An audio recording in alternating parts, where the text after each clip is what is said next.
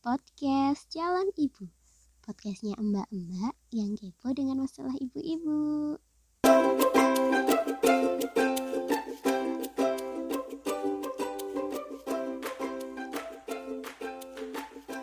Assalamualaikum warahmatullahi wabarakatuh.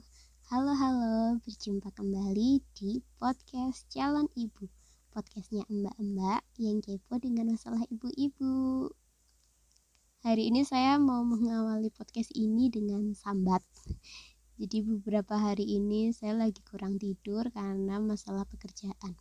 Jadi pekerjaan saya itu lagi padat-padatnya, deadline-nya.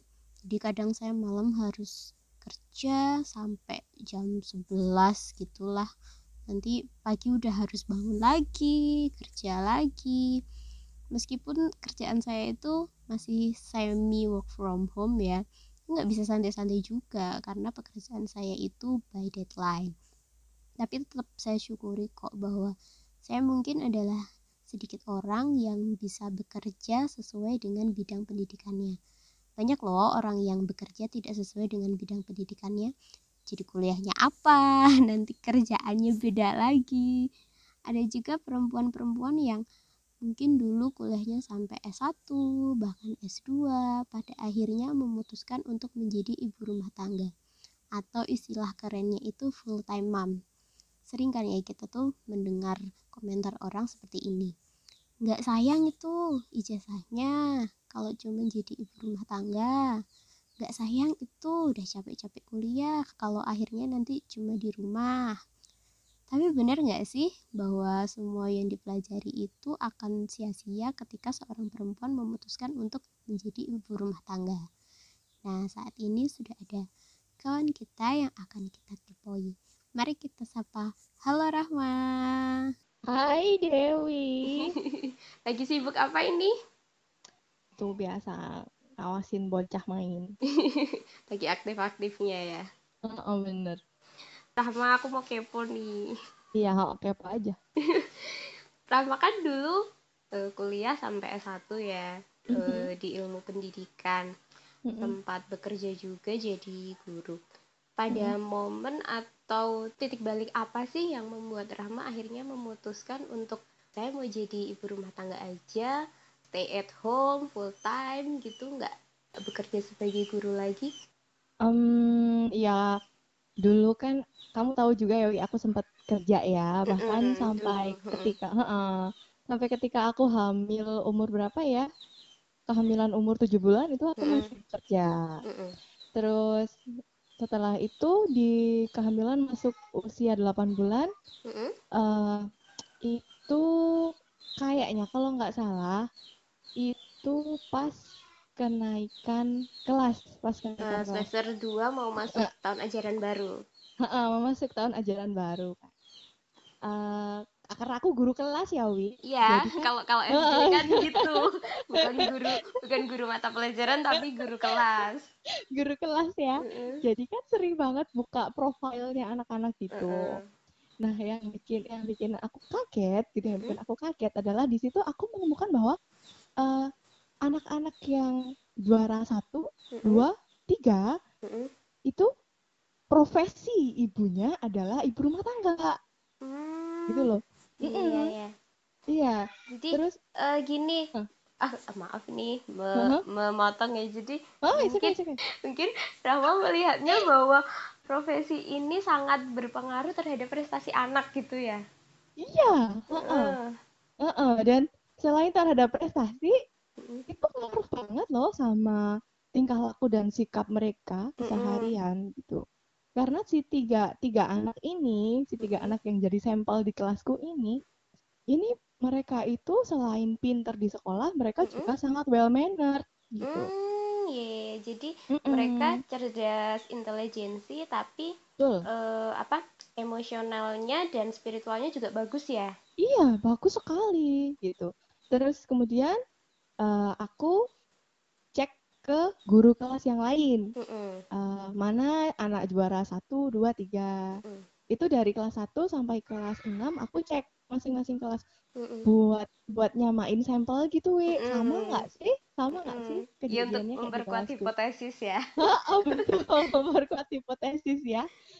Dan ternyata itu rata-rata sama gitu loh. Oh Jadi iya. mm, ada yang tidak sama itu hanya satu dari tiga di Eh ya gitu. kalau di statistikal mungkin eh, simpangannya tidak terlalu Heeh. signifikan gitu ya. Betul, heeh, simpangannya tidak terlalu banyak. Nah, jadi di titik itu akhirnya memutuskan Mm-mm. untuk oke eh, Rahma mau jadi ibu rumah tangga aja eh, full time di rumah gitu untuk mengurus Yes. anak ya. Mm-mm, yes, Hmm, yes, waktu yes. itu pertimbangan-pertimbangan apa aja sih yang membuat akhirnya Rahma memutuskan untuk berhenti bekerja? Yaitu yang pertama itu karena eh, aku merasa kalau ketika Tuhan itu menitipkan amanah anak ke aku, itu berarti Tuhan maunya aku yang menjaga gitu, yang merawat kayak gitu. Mm-mm. Ini tidak berarti eh, working mom tidak menjaga dan Mm. tidak merawat ya, Iya, tidak. iya, Eh, iya. eh, it's, it's just my point of view. Kita semua menjaga dan Iya. merawat gitu. eh, Ya, eh. cuman mungkin eh, ibu lain punya prioritas yang beda, Aha, pertimbangan betul. yang beda, Mm-mm, kondisi iya. keluarga juga yang beda ya. Betul banget, iya betul banget. Dan nggak nggak perlu juga harus yang satu ngejudge yang ini, yang satu Hmm, ngejudge yang itu lain nggak perlu. karena aku sering banget teman-temanku tuh membahas eh, satu Mhm. ibu dan ibu lainnya itu tuh saling Eh. menyerang terus istilahnya tuh apa sih mom Mom war, mom Ah, war ya, mom war terus ada apa Mom gitu war.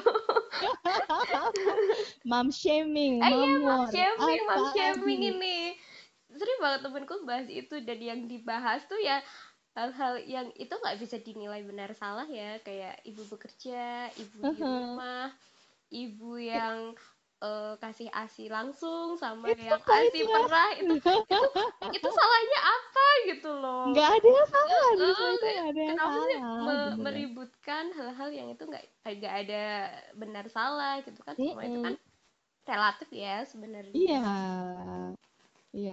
Kita semua tuh kan punya punya value sendiri-sendiri ya, Hmm, tiap Wi. keluarga value-nya Mm-mm. beda Iya, punya value sendiri-sendiri lah. Kebetulan kasusnya di aku adalah eh, aku memang dari awal bukan tipe wanita yang pengen punya karir yang sangat tinggi gitu. Mm. Jadi ketika aku bekerja ya aku bekerja karena aku suka gitu, karena Mm-mm. passionnya di situ. Kebetulan aku suka banget sama anak-anak kan, Mm-mm. sama anak-anak kecil. Jadi eh, itulah alasan pertama aku memutuskan dulu jadi guru, terutama guru SD kan setiap hari bisa ketemu sama bocah-bocah itu yang Mm-mm. meskipun oh, meskipun Iya, bikin jiwa- pusing, jiwa keibuan banget gitu lah ya iya kayak gitu tapi tuh fun gitu. Mm-mm. Eh, ketika akunya sendiri mau punya anak, aku jadi merasa ini tanggung jawabnya aku gitu loh. Nggak nggak bisa aku lemparin ke siapa-siapa. Memang mau aku lempar ke siapa? Ke suami. Nggak Hmm, mungkin nggak kan? mungkin Nggak karena mungkin, suami ya juga kan? punya kesibukan yang lain Iya, ya heeh, dan kewajibannya dia bukan itu Mm-mm. gitu. Terus mau aku lempar ke siapa? Ke orang tuaku. Orang tuaku juga bekerja. Mm-mm. Mau kelem mau lempar ke siapa? Mertuaku. Itu apa ya? Mertuaku juga bekerja gitu Iya. loh. Jadi jadi nggak ada pilihan lain ya jadi Heeh, harus Rahma heeh. sendiri iya, heeh, harus aku sendiri Dewi. Jadi kalau kamu tahu banget aku kan kita udah temenan Mm-mm. dari lama. Mm-mm. Ketika aku tuh ngerjain ngerjain sesuatu itu harus total iya total dan komit gitu komit. iya Rahma ini perfeksionis banget anaknya Jadi itu total komit gitu. Bahkan ketika dulu jadi jadi guru pun ketika ngerjain administrasi itu total banget gitu. Jadi Mm-mm. Heeh, total banget.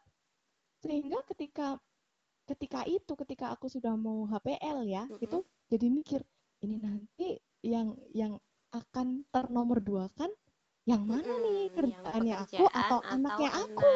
Mm. Heeh, kayak gitu. Sementara aku tuh orangnya nggak bisa kayak gitu, wi. Jadi mm-mm, nggak bisa kayak gitu. Multitask sih, tapi nggak bisa kayak gitu. Ya uh, Mm-mm. kan sebagian orang tuh ada yang multitask tapi ada Mm-mm. juga yang eh, nggak bisa. Jadi harus satu-satu ini selesai baru yang satu betul. mulai lagi. Ya iya. nggak bisa disamain juga sih nggak itu bisa. satu orang nggak dengan bisa. orang lain. Mm-mm. itu dia. Dan waktu itulah yang memutuskan itu reaksi yang pertama pasangan ya suami Uh-huh. Rahma waktu eh, Rahma mengatakan "Eh, Mas saya mau full time di rumah Hmm. berhenti bekerja itu reaksi suami gimana? alhamdulillah gitu sangat mendukung ya iya ya tapi a- alangkah baiknya bila dukungan itu juga diperkuat dengan dukungan finansial Eh, iya oh, betul banget betul banget jadi kan memang suamiku itu tipe tipe suami yang tidak pernah memaksa sayang harus begini sayang harus begitu. Itu nggak pernah. Jadi eh, dia most of the time Mm-mm, eh, percaya percaya sama judgementnya aku. Jadi mm-mm. eh, karena kita semua eh, we we are still our own self gitu. Mm-mm. we're still our our own person gitu. Meskipun kita menikah nggak berarti kita bisa saling mengendalikan. Kan kayak Iya, gitu ya Wi? tetap punya hak individu ya sekalipun. Uh-uh. Eh, sudah menikah. Mm-mm, betul banget.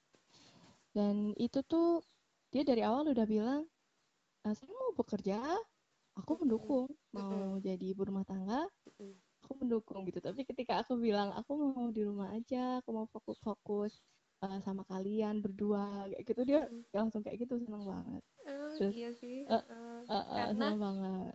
Eh, mungkin ya mungkin ini eh, memang laki-laki tuh adalah ya sisi egonya Uh-huh. yang aku pengen Iya. diurusin aku pengen Yes. selalu didampingi aku nggak mau diduakan itu tuh pasti Iya ada bener loh bener bener. Oh, oh, oh, soalnya banget. almarhum bapakku tuh kayak Mm-mm. gitu juga jadi ketika aku masih ya masih sekolah gitu eh, nggak boleh ibuku tuh kerja jadi pernah Mm-mm. satu waktu tuh ibuku bilang apa kalau aku kerja gimana ya terus jawabannya tuh lucu gitu loh kalau eh, jawabannya tuh lucu bapakku gini boleh kamu kerja tapi kita tukeran aku yang di rumah ngurusin anak gitu Iya sama banget. Dia kayak gitu langsung. Langsung karena nyindir iya nggak apa-apa. kayak gitu. eh, karena nggak nggak mau kalau eh, anak itu diasuh sama kakek neneknya. Kalau di pemikiran almarhum bapakku itu ketika anak dididik sama nenek sama kakeknya itu mereka bakalan cenderung dimanja gitu loh kakek Iya, nenek oh, kan betul. ini bukan Mm-mm, anaknya mm-mm. sendiri jadi mau keras Iya. tuh eh, sayang gitu loh. Kan Sayang, kakek oh, nenek tuh lebih sayang sama cucu daripada sama anak kan. Ya, jadi iya banyak banget, iya banyak nggak teganya gitu loh. Kalau sama Iya sama anak sendiri kan eh, disiplin gitu loh. Mm-mm, Eh, mm-mm. adik nggak boleh gini adik harus gini harus tertata harus Mm-mm, rapi. Gitu. kalau kakek nenek kan udahlah yang penting anaknya diem gitu. Diem, Heeh, yang penting diem gitu lah. Jadi eh, ya aku menilai gitu sih se, eh, se- sebagian laki-laki itu tetap ada lah sisi egonya yang ingin ingin diurus Mm-mm. itu kan dari suami ya tapi kalau Mm-mm. dari eh, keluarga besar misalnya dari orang tua Rahma gimana Kalau dari ini aku ceritanya ceritanya dari yang dari yang nerima dulu ya, Mm-mm. dari yang Iya aku dari yang pasti nerima. tahu pasti ada pro kontranya nih Kalau eh, ayah ibunya aku yang di sini ayah ibunya suaminya aku Mm-mm. itu alhamdulillah kan dua-duanya pretty open minded ya Mm-mm. Wi. Jadi ketika aku ketika kita bilang kalau "Eh, nanti aku mau di rumah ngasuh anak terus suami ngurus rumah gitu eh, ibu mertua support gitu Mm-mm. ibu mertua support ya bagus Mm-mm. bagus memang eh, rumah itu harus dapat sentuhan istri anak itu harus harus dapat banyak sentuhan ibu suami itu harus dirawat sama istri seperti itu. Dan Mm-mm. eh, bapak mertua juga open minded juga support. Ya nggak apa-apa gitu. Kan kalau misalnya kepengen kerja nanti juga di sini juga banyak sekolah kamu mau ngajar apa kapan di mana. Gampang gitu gampang. Mm-mm. Istilahnya itu kalau misalnya rezeki nanti juga nggak ke mana. Jadi gitu seandainya di masa depan nanti Rahma Mm-mm. mau memutuskan mau Iya. ngajar lagi, kesempatan itu masih ada lah ya, dan Iya, mereka sangat oh. mendukung. iya betul gitu itu kan gitu. yang yang ini ya yang pro kalau yang kontranya gimana yang kontranya itu justru adalah dari mama aku. Oh, mama jadi orang tua sendiri ya? Iya dan adik aku. Karena mama sama adiknya aku itu mereka itu tipenya mirip wi mm -mm. mereka mirip. Jadi mereka itu uh, apa ya tipe-tipe wanita karir banget gitu loh. Mm -mm. beda sama aku beda. Uh, aku itu suka suka suka diem di rumah ngerjain mm -hmm. apa-apa di rumah gitu. Mm -hmm. Sementara mereka mama sama adik tuh suka banget ngerjain apa-apa di luar gitu. Jadi mm -hmm. kita sebenarnya cuman kayak beda kepribadian gitu loh. Iya. Yeah. Iya nggak sih? Iya nggak? Uh, jadi yang satu tuh lebih suka berkiprah di domestik, yang satunya oh. lebih ke yang di publik. Uh, oh, yang publik gitu. Kayak gitu. Kan kalau kalau dari akunya kan paham ya oh ini kita cuma beda personality aja kayak gitu. Tapi nggak ada benar salah itu tadi ya. Iya nggak ada benar salah gitu. Kita cuma beda personality tapi bagi mama sama adek uh, mereka nggak bisa nerima alasan kita beda personality itu nggak bisa gitu. Dan yang yang terhantam ya yang terhantam paling keras itu mama. Itu uh, sampai sampai ya wi. Sampai setiap setiap kali gitu ada apa sih ada rumor-rumor bakalan ada CPNS lagi. Mm-mm. Mama aku tuh langsung getol banget gitu. Iya, eh kamu daftar ini siapa oh. berkasnya pasti gitu. Oh, betul. Tanggal segini loh kak, nanti Mm-mm. buruan cari berkas, nanti aku bantuin begini begitu begini macam-macam. Ya aku akunya sering bingung ini mau jawab mm. mau jawab kayak apa gitu. Mm-mm, Soalnya uh, belum ada panggilan dari hati untuk ikut oh, lagi oh, ya. Oh, oh bener, bener. Dulu waktu masih muda sih menggebu-gebu gitu ya. Uh, ya. Aku juga dulu oh, waktu iya kan? lulusan lulusan awal makin lama, aduh gagal mulu ini saya. udah, oh, kan? udah kalah ini sama yang muda-muda. oh, oh bener. Lama-lama ini kayaknya hoki gue habis deh. Gitu kayak gitu. Mama yang sampai getol kayak gitu. Terus uh, setiap aku jawab mm-hmm. misalnya mah eh, nggak uh, sekarang ya. Terus kapan? Gitu. tahun depan ya gitu. Jadi sekarang udah udah lima tahun kan ya? Iya. Ini batas waktunya umur tiga lima loh. Nanti mama bentar lagi bilang gitu. Iya kayak gitu. Tetap tetap tetap di share tetap di itu macam-macam gitu kalau dulu sih aku masih masih jelasin ke kenapa aku nggak mm. bisa nggak bisa ikut kenapa mm. aku belum mau ikut terus biasanya mama langsung drama gitulah nangis nangis nangis nangis terus sempat nelpon suamiku juga wi mm, sampai uh -uh. bilang e, ini bu ya dikasih tahu biar ikut gitu ya uh -uh. terus iya suamiku sempat disalahin juga mm. karena dipikirnya suamiku yang ngelarang aku kerja hmm. gitu. padahal tuh enggak. keputusan sendiri ya sebenarnya iya keputusan terus sendiri. Uh, sampai di momen apa sih mama akhirnya bisa menerima oh ya udah kak kamu di rumah ngurus anak gitu Mm-mm. kapan sampai uh, sampai di momen ketika uh, anakku mm-hmm. anakku kepalanya bocor jatuh jatuh mm-hmm. Itu tepat di tengah dahi gitu. Terus itu kenapa? Kepala itu dia main kan mm. biasa dia waktu umur berapa ya? Dia sekarang umur tiga kan mm -hmm. dia kayaknya waktu umur umur umur satu eh umur Tahun? satu setengah apa ya? Uh, umur lagi, satu setengah. lagi suka sukanya jalan gitu ya yeah, umur segitu tuh uh, lagi apa aja dia penasaran. Betul. Iya betul banget. Itu ketika dia jatuh gitu terus kepalanya bocor kan mm -hmm. terus habis itu harus uh, ke rumah sakit macam-macam mm -hmm. dengan berbagai macam prosedur itu buat mastiin kalau kepalanya nggak apa-apa mm -hmm. terus uh, di situ mama tahu-tahu tuh bilang kayak gini jangan untung aja ya kamu di rumah mm -hmm. gitu ya, uh -uh. akhirnya mama nerima uh -uh. ya Iya, uh, itu akunya sendiri kaget gitu. Ini mama tahu-tahu ngomong kayak gitu, kayak gitu kayak gitu ya, berarti so, uh -uh. Uh, akhirnya kan mama melihat bahwa Rahma tuh uh, sebagai ibu tuh benar-benar uh, apa ya ngopeni gitulah bener-bener uh, menjaga anak dengan baik jadi mungkin iya. itu sih ya, mungkin mama khawatirnya dari yang bekerja terus tiba-tiba di rumah bisa nggak sih ini anaknya sebenarnya? Iya, mungkin mama nggak yakin bisa, uh, uh, betul. Mama nggak yakin nggak yakin sama kemampuannya. Aku ngurus ngurus anakku sendiri hmm. itu satu terus yang kedua mama karena dari dulu memang mama itu wanita yang independen ya wi. Mm -hmm. terbiasa bekerja dan terbiasa punya penghasilan sendiri. Mm -hmm.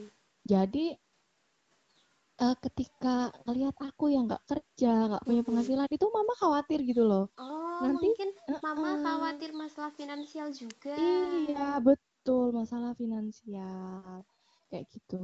Apalagi kan uh, suamiku tuh pengusaha ya wi ya. Mm jadi kan kadang ada hmm. ada ada bagusnya ada hmm. enggaknya kayak ya, gitu ada kan. kadang usaha ada rugi ada untung iya juga.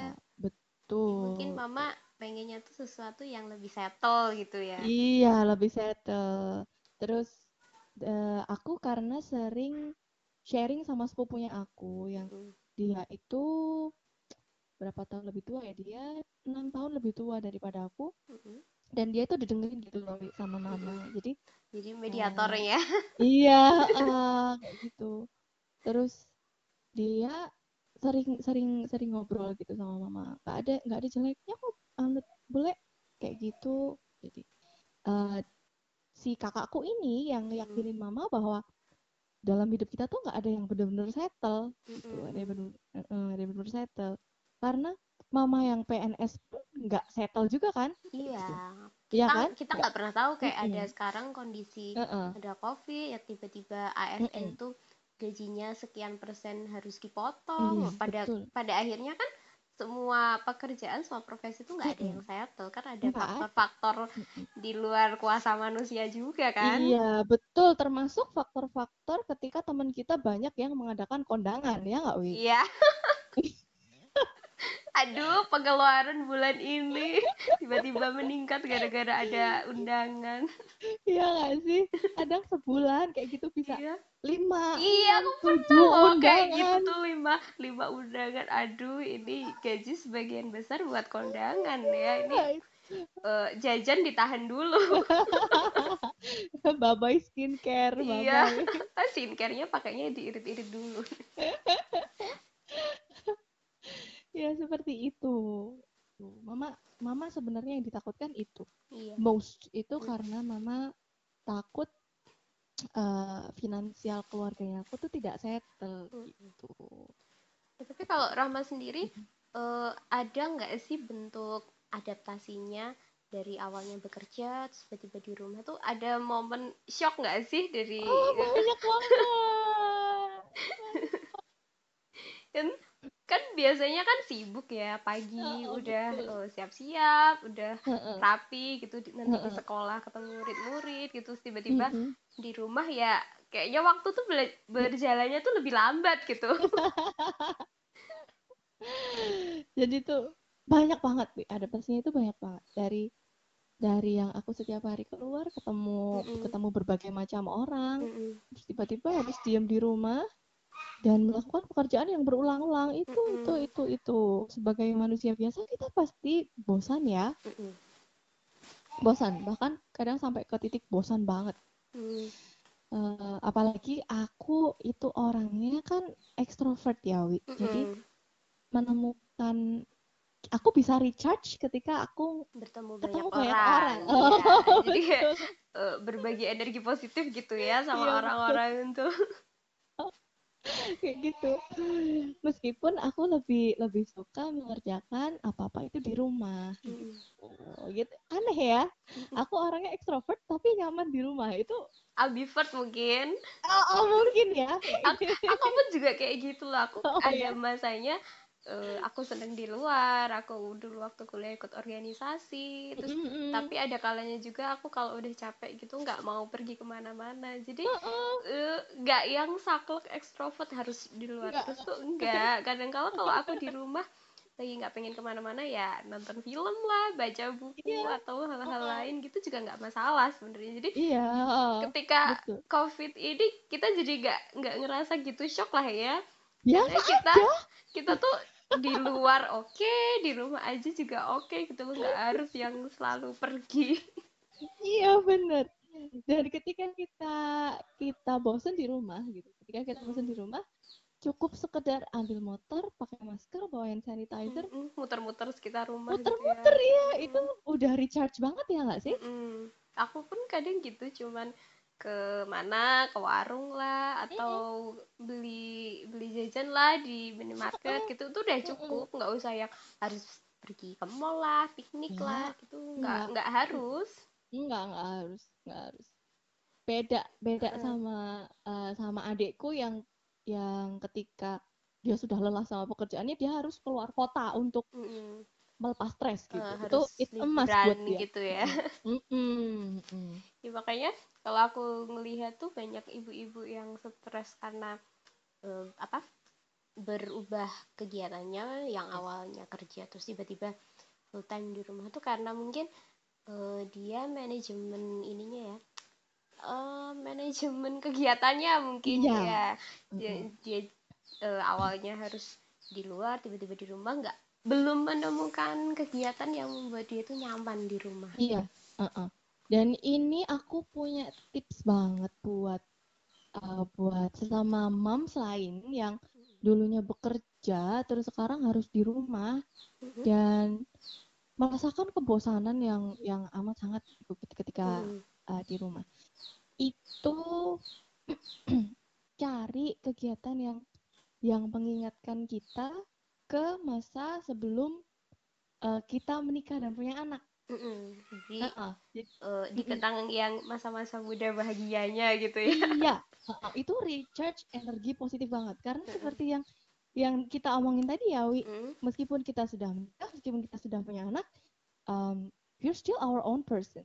Mm -mm. Gitu kita tetap satu kita, individu yang independen yes. ya sebenarnya iya betul dan kita boleh loh me time me time oh boleh banget boleh ya, banget itu temen-temenku tuh yang ibu-ibu gitu mereka tuh me time-nya eh, nonton film gitu nunggu yeah. nunggu mm-hmm. anak-anaknya udah pada tidur atau sekedar mm-hmm. ngeteh ngobrol bareng suami itu udah recharge iya. banget recharge itu kayak gitu itu note tuh bapak-bapak ya ya tolong, tolong. Jadi recharge istri tuh nggak melulu harus mahal bapak, cukup iya. teh anget, uh, ditemenin ngobrol, uh, istri ngobrol, istri sambat didengerin gitu ya. Syukur-syukur ditambah gitu. uang belanja. Iya betul, syukur-syukur dompetnya sayang mana, apa?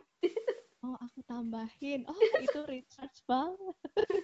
Dan lebih kita respect lagi kalau ada bapak-bapak tuh yang mau berbagi peran di domestik loh jadi oh, si ibu nanti kerjaannya apa nanti iya. si bapak bantuin apa itu aku sangat respect iya. kalau ada bapak-bapak yang kayak gitu Iya itu alhamdulillah suamiku banget ya Wi. Ini aku bukannya pamer ya, ibu-ibu ya. Apa, ini saya tidak kan pamer. Kan kita sharing, kita sharing jadi mungkin menginspirasi calon ibu dan ibu-ibu lainnya. Nanti dan menginspirasi bapak-bapak lain. Ya. tolong. Jadi mungkin nanti bisa didiskusikan dengan suami bahwa ketika istrinya memutuskan di rumah ya bukan berarti semua pekerjaan domestik tuh istrinya. Tetap ada Betul. pembagian kerjanya iya. juga. Karena mm -hmm. ya namanya pekerjaan rumah tuh nggak ada selesainya nggak ada habisnya. Waktu waktu 24 jam tuh kayak kurang-kurang loh. Kurang bener bener. Karena uh, suamiku tuh tipe tipe seperti itu ya uh, dari dari awal uh, dia memang memang bukan laki-laki yang malu ngerjain kerjaan rumah sih. Ya. ada uh, kok laki-laki yang gengsi kayak gitu. Ini banyak. Kakak banyak banget. Ketika ketika memutuskan full time di rumah kan kita lihat eh kita lihat kita kita bahas tadi ada yang pro ada yang kontra. Nah kalau dari orang-orang sekitar yang di luar keluarga tuh lebih banyak yang pro atau kontra sih memandang perempuan yang mengambil keputusan seperti ini? Kalau dari luar keluarga ini aku bahas di lingkup teman-temanku ya. Mm -mm. Uh, teman-temanku, my ex coworkers gitu, mm. itu rata-rata mereka menyayangkan sih kenapa, kenapa aku harus berhenti gitu jadi mereka mikir, Mbak kan bisa itu aja, bisa belajar time management aja. Toh saya juga ibu-ibu, saya juga punya anak tiga malah lima malah Hmm. tapi saya tetap masih bisa ngajar saya masih bisa kerja kayak gitu saya nyambi nyambi nyambi jualan di warung kalau pulang sekolah malah Mm-mm. ya itu nggak cuma satu dua yang seperti itu kayak gitu Eh, mereka menyayangkan sih kayak gitu kenapa saya cara harus- Rahma harus menjelaskan kepada mereka gimana? Ya aku ke mereka itu lebih seringnya cuman aku aku senyumin aja ya karena iya ya karena mau iya kan mau dijelasin kayak apa mereka Heeh. juga tidak akan bisa melihat sudut Iya. pandang yang kita lihat. Iya. Otaknya Iya. orang tuh ada banyak tiap orang tuh Iya, beda-beda. jadi jelasin ke satu orang tuh bisa jadi nggak bisa diterima orang lain. Iya betul. Jadi buat apa? Buat apa kita kita bikin bikin mereka nantinya jadi toksik ke kita gitu loh. Ya udah senyumin iya, aja. sih. iya. Heeh, heeh, betul. Jadi untuk para ibu yang memutuskan tinggal di rumah itu hempaskan saja ibu-ibu yang nyinyir Iya. itu karena itu Iya, justru jadi biarkan. toksik justru Iya, buat betul. buat ibu-ibu malah jadi pikiran ya malah jadi Iya, ngaruh ke psikologisnya jadi Mm-mm. merasa bersalah nggak sih kayak Iya, gitu merasa bersalah. Merasa bersalah karena ya itu terutama ketika finansial lagi lagi kurang bagus ya. Mm-mm. Kayak gitu mikir ini aku bisa apa ya iya buat dan bantu uh, dan mungkin suami. ada juga yang ngerasa bersalahnya gini loh Eh, dulu disekolahin sama orang tuanya Iya, iya betul terus betul. ini yang yang sering aku tuh aku dengar tuh itu banyak yang bilang Mm-mm. oh, udah capek-capek di sekolahin orang tuanya terus pada akhirnya cuma di rumah tapi tak pikir i- ijazah bisa sia-sia tapi ilmu kan nggak bisa sia-sia Oh, iya betul betul eh, aku banget. melihat kalau Rahma kan memang di bidang pendidikan Mm-mm. lebih banyak beraktivitas dengan anak-anak itu sangat Mm-mm. menunjang ini loh dalam Iya. pengasuhan anak Mm-mm, mm-mm Dan- banget. lagi pula kalau kita eh, sekolah kita kuliah kan kita nggak cuman belajar ilmu misal secara sendiri matematika bahasa Mm-mm. Indonesia dan lain-lain kan kita juga belajar nilai dan norma Iya betul. belajar tentang attitude nah itu semua tuh sangat sangat kita perlukan di kehidupan ini jadi untuk Banget banget. banget. kehidupan keluarga untuk pengasuh anak tuh sangat perlu juga jadi Iya. ijazah boleh sia-sia ilmu nggak boleh sia-sia Enggak. Oh, yes betul banget banget banget banget. Oh, banget. terima kasih sharingnya ini bermanfaat sekali buat ibu-ibu dan calon ibu lainnya. Jadi Dan kalau calon ibu ya kalau calon ibu nantinya memang mau memutuskan untuk time di rumah, nggak apa-apa asalkan ya yang utama ya finansial keluarga tuh aman. Mm-mm. Eh, didiskusikan dulu dengan pasangan dan keluarga. Jadi jangan sampai eh, kita mengambil keputusan sepihak sementara pihak-pihak yang lain tuh belum bisa menerima. Yes. Oh, satu lagi, Wi. Apa nih? Satu lagi nih. Kalau memang nantinya uh, calon ibu atau Hmm. ibu ya, ibu ya, memutuskan untuk jadi full time mom gitu. Ketika kita mau mastiin bahwa uh, finansialnya kita itu kuat atau enggak gitu. Terus akhirnya kita take a risk aja lah gitu. Toh nanti rezeki di tangan di tangan Tuhan kayak gitu. Itu pastikan harus sama-sama siap ikhlas ya Iya. Tuh jadi Iya, iya suami dan istri harus sama-sama cukup. siap ikhlas iya Iya, merasa cukup karena cukup merasa itu cukup. itu sangat relatif ya. Mm-mm, betul Antara satu orang dan orang lain tuh gak sama. beda beda Eh, Oke, ini semoga menginspirasi calon ibu dan ibu-ibu lainnya. Jadi bagi ibu-ibu lain barangkali ada yang mau curhat, sambat atau berbagi, boleh banget kirim DM ke @dewi.surani itu di Instagram atau kalau mau kirim email di dewisurani1910 at gmail.com kasih sudah mendengarkan. Wassalamualaikum warahmatullahi wabarakatuh. Bye bye. Bye.